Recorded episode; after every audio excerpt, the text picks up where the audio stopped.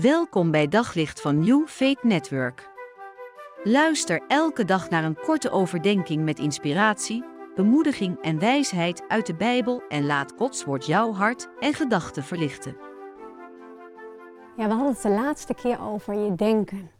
En heel vaak laten we ons denken maar gewoon gaan. Ik, uh, ik heb een man die is ook echt een denker. Ik denk dat ik veel meer zeg voordat ik denk. maar ik merk dat heel veel mensen om mij heen heel veel denken. En als je dus heel veel denkt, dan kan dat zo'n worsteling zijn in je hoofd. En dan staat er hier in Filippenzen 4, vers, vers 6. Wees in geen ding bezorgd, maar laat uw verlangens in alles door bidden en smeking met dankzegging bekend worden bij God.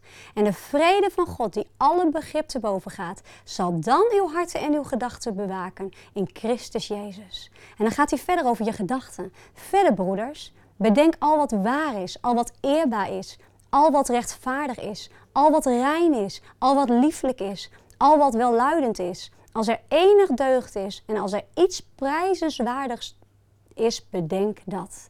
We zijn zo snel geneigd om iets negatiefs te denken en we horen ook veel sneller de negatieve geluiden dan de positieve geluiden. En al deze dingen in Filippenzen 4, vers 6 tot 8 zijn positief.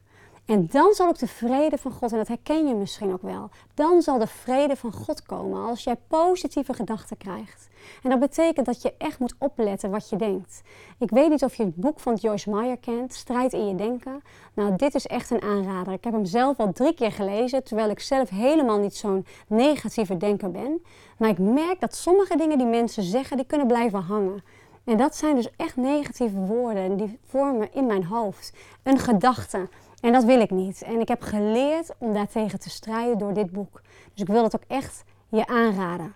En ja, we hadden het ook over maskers, hè, onecht zijn. En als je al die negatieve woorden, eh, als dat gedachten worden, als dat bolwerken worden, dingen die je, die je gewoon maar laat gebeuren, dus als het ware, het wordt een patroon, je komt er niet meer snel van af, dan merk je dus dat je een soort van gebonden en, en, en ja, vastzit, als, als ware als in een gevangenis, in dat negatief denken.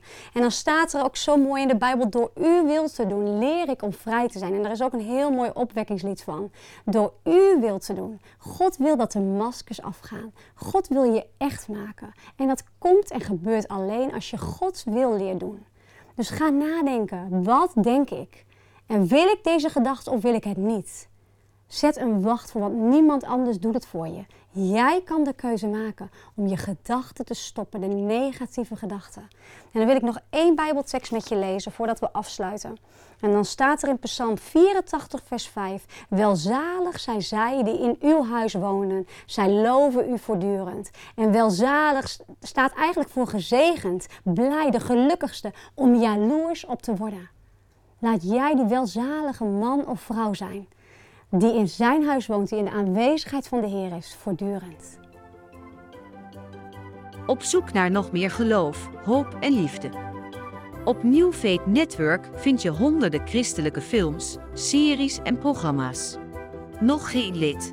Probeer het 14 dagen gratis op newfaithnetwork.nl.